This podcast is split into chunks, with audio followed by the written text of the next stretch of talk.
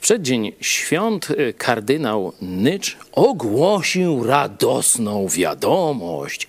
Otóż, że w Sylwestra pobożni katolicy będą mogli wypić i zakąsić, co będą chcieli. Ależ wolność dał nam ten urzędnik rzymski. Mam nadzieję, że już dochodzi do Was to, w jakiej niewoli, drodzy katolicy, żyjecie. To nie jest stan, jaki dla Was zamierzył Jezus Chrystus. Otwórzcie sobie Biblię, na przykład list do Rzymian, 14 rozdział.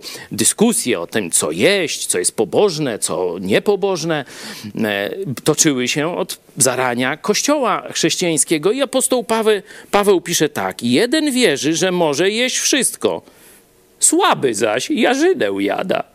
To zobaczcie, to, co oferuje wam Kościół katolicki, te posty, że mięsa takiego, śmego, rybie możesz, wieprzowiny nie możesz, to są w ogóle absolutne wymysły, e, te pomysły takich tego rodzaju postów obiadania się warzywami, a nie mięsem, to jest słaby w wierze. Czy nie jest to żadna jakaś, jakaś świętość, ale wręcz jej zaprzeczenie. Chrystus wyzwolił nas do wolności i w tej wolności mamy żyć. A takich ludzi jak Nycz czy reszta biskupów katolickich e, Paweł potępia w liście do Kolosan w sposób wyraźny. Zobaczcie sobie e, rozdział drugi, werset szesnasty. Niechże was wtedy nikt nie sądzi z powodu pokarmu i napoju, albo z powodu święta, lub nowiu księżyca, bądź sabatu wszystko to są tylko rzeczy, cienie rzeczy przyszłych. Rzeczywistością natomiast jest Chrystus. Jeśli jesteś w Chrystusie, tamte zakazy, nakazy cię w ogóle nie dotyczą.